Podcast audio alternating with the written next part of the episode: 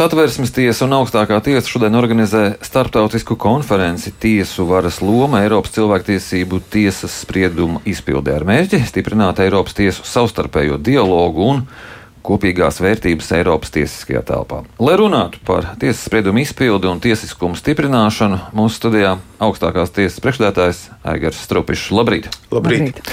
Tātad uh, konferences galvenā tēma ir tiesiskuma stiprināšana, kas vienlaikus ir viens no mērķiem, ko Latvija ir izvirzījusi savas prezidentūras laikam Eiropas padomas ministru komitejā.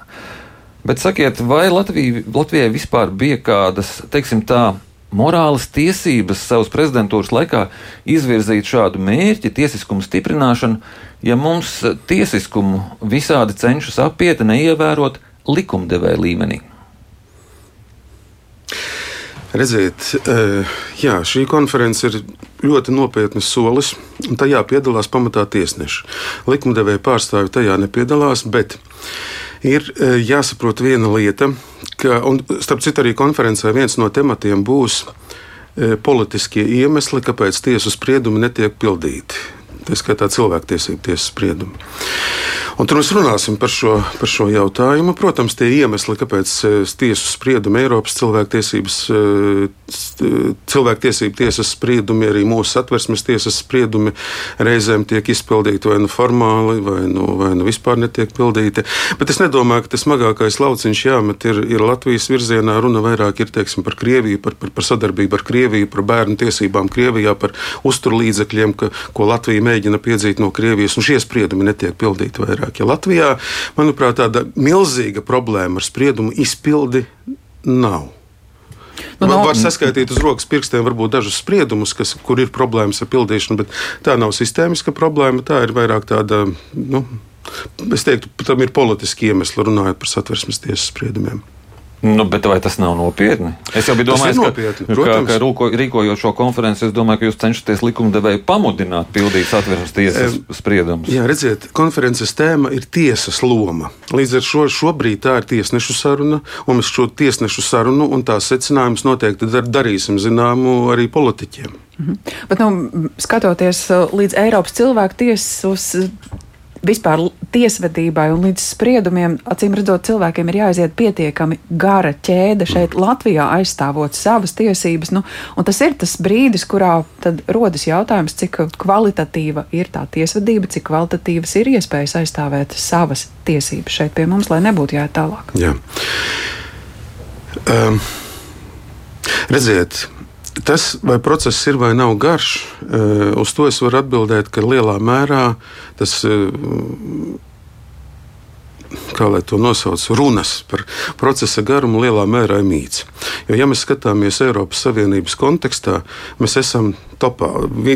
Pir, pirmajā trīniekā, četrniekā tieši tiesvedības termiņu ziņā, civillietās, arī e, un administratīvajās lietās, komerclietās.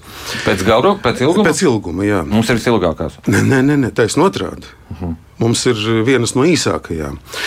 Protams, sabiedrība redz ko? Sabiedrība redz to 1, 2, 3, 4, 5 lietas no 100 tūkstošiem, ja, kuras velkas ilgi. Ja? Bet kopumā runājot, nav tik traki, ka, eh, ka, ka mums būtu ilga tiesvedība, kamēr cilvēks tiek cilvēktiesību tiesā iekšā. Mhm. Tās atsevišķās lietas, kuras ilgst ilgi, tam iemesli pamatā ir tas, ka lietas dalībnieki, liecinieki nedzīvo Latvijā un viņus grūti dabūt uz tiesu. Es regulāri pārbaudu šīs lietas, garās lietas, un tiešām nu, tā, 80% gadījumu runa ir par to, ka nevar uz tiesu dabūt vai nu apsūdzēto, vai nu liecinieku, ja, un, un līdz ar to tā tiesvedība ir jāatliek. Daudz ir meklēšana aizsludināta un nevar atrast. Bet, nu, tīri kvalitatīvi paraugoties uz to, ka nu, mēs arī biežāk dzirdam par tiem lēmumiem, kur Latvija tiek atzīta kā vainīga, kā tāda, kas nav pildījusi valsts saistības pret cilvēkiem. Tie ir tie spriedumi, par kuriem runā nu, par to spriedumu kvalitāti. Tātad, vaicājot. Jā. Nu, tur jārunā par konkrētām lietām. E, tas nav sistēmiski. Tas nav sistēmiski. Ja? Tur arī, redziet, mēs nezinām ļoti daudz par tām lietām, kur, kur valsts ir uzvarējusi, ja, Latvijas valsts. Un tādas, manuprāt, pat ir vairākumā. Bet eh, kur mums ir eh, problēmas tieši tad eh, tiesu loma, kad netiek ņemta vērā Eiropas cilvēktiesību tiesu spriedumu nolēmumi? Es saku, Latvijā tā nav būtiska, milzīga problēma. Jo Eiropas tiesas spriedumi, redziet, Eiropas tiesas spriedums ir vērsts pret valsti. Ja? Uh, un valstī ir pienākums nu, parasti izmaksāt kompensāciju un sakārtot attiecīgo jomu attiecīgajā sfērā. Ja? Nu, piemēram, ir bijušas lietas, kur uh, bija runa par to, vai, piemēram, policija ir, ir, ir nu, cilvēka nāve, ja policijas iecirknī, un jautājums ir, vai policija vai ir sistēma sakārtota tādā veidā, lai, lai šādus izslēgtu. Tagad nu, pat Jēkabils e, slepkavība, ja, tur vēl cilvēku tiesību tiesas, protams, nav, un varbūt arī nebūs, ja, jo, jo Latvijas valsts atzina savu vainu, un, un, un, un cietušajiem, cik es saprotu, politiski ir lēmums to kompensēt. Bet, e, nu, tas vairāk par šādiem gadījumiem. Bet Latvijas valsts nu, cenšas pildīt šos spriedumus. Man nav dzird, dzirdēti pārmetumi, ka kāds spriedums netiktu tā īpaši speciāli pildīts. Bet ar tiem pašiem atgriežoties satversmes tiesas spriedumiem un likuma devēja lomu pildīt šos uh, spriedumus, nu, mm. mums arī te jāgaida kāds, kas aizies līdz Eiropas cilvēktiesību tiesai, un, un tad sat, saima izdzirdēs to aicinājumu. Jā. Um, Man nāk prātā divi tādi gadījumi, kad Latvijā netiek pildīti e, satversmes tiesas spriedumi pēc būtības. Pirmais bija gadījums pirms vairākiem gadiem, kad bija e, par, par tiesnešu algām, tiesnešu atlīdzību bija spriedums, un nekas nenotika ilgu laiku. Ja.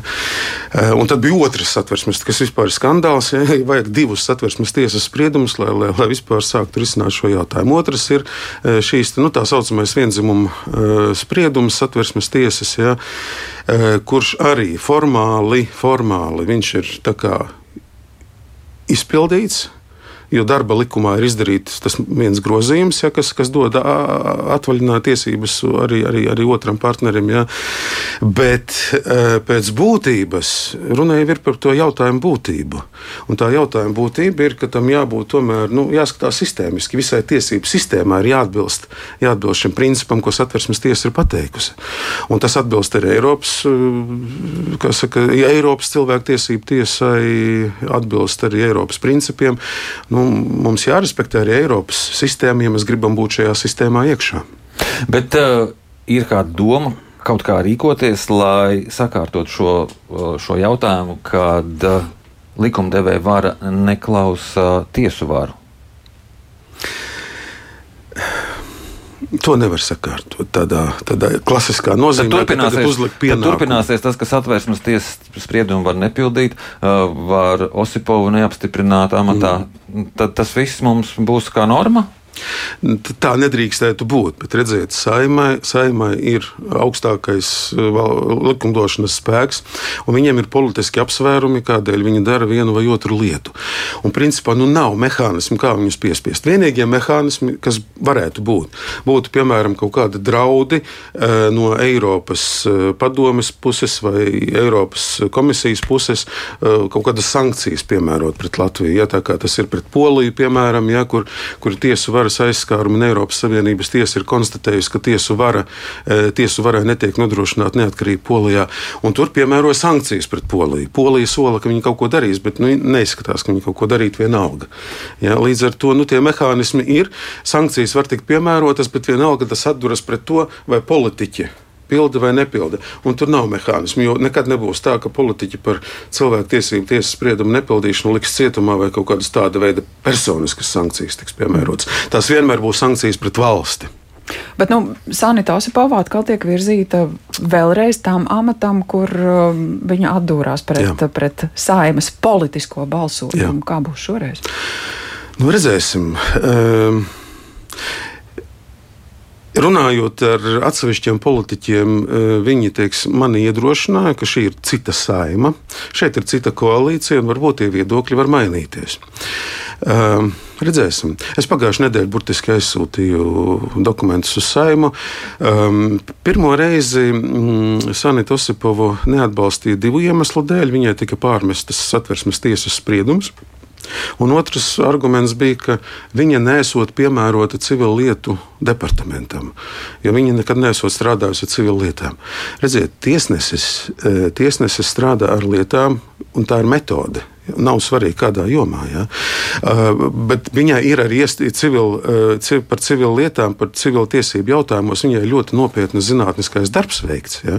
Un civil lietu departaments civilietu departaments 14 tiesneši, mēs esam tajā departamentā. Uh, ar pāris ar, ar nomācošu balsu vairākumu atzina, ka viņa der šim amatam. Likums nosaka šo kārtību, ka departaments lemj par atbilstību. Un bija nu, abs, nu, absolūti nomācošs balsu vairākums, ka atbilst. Līdz ar to šim argumentam, nu, teiksim, ja saima pateikt, ka viņa profesionāli neatbilst, nu, tas izskatās diezgan dīvaini. Jūs iedrošināja šādi rīkoties pie šīs jaunās koalīcijas vai pie tās, kas nu pat bija? Uh, konkrētai koalīcijai nav nozīme. E, mēs arī runājām ar Rosapovas kundzi. Viņa vairāk gribēja nākt uz gada beigām, nu, tīri personiski iemeslu dēļ. Līdz ar to arī ātrāk tas netika virzīts. Mhm. Arī tās politiskās problēmas, kas bija, protams, nu, viņas nesekmētu, manuprāt, apstiprināšanu. Jā, mums jāsaka paldies jums par šo mūsu šī rīta sarunu. Mūsu studijā bija augstākās tiesas priekšsēdētājs Aigars Stropišs.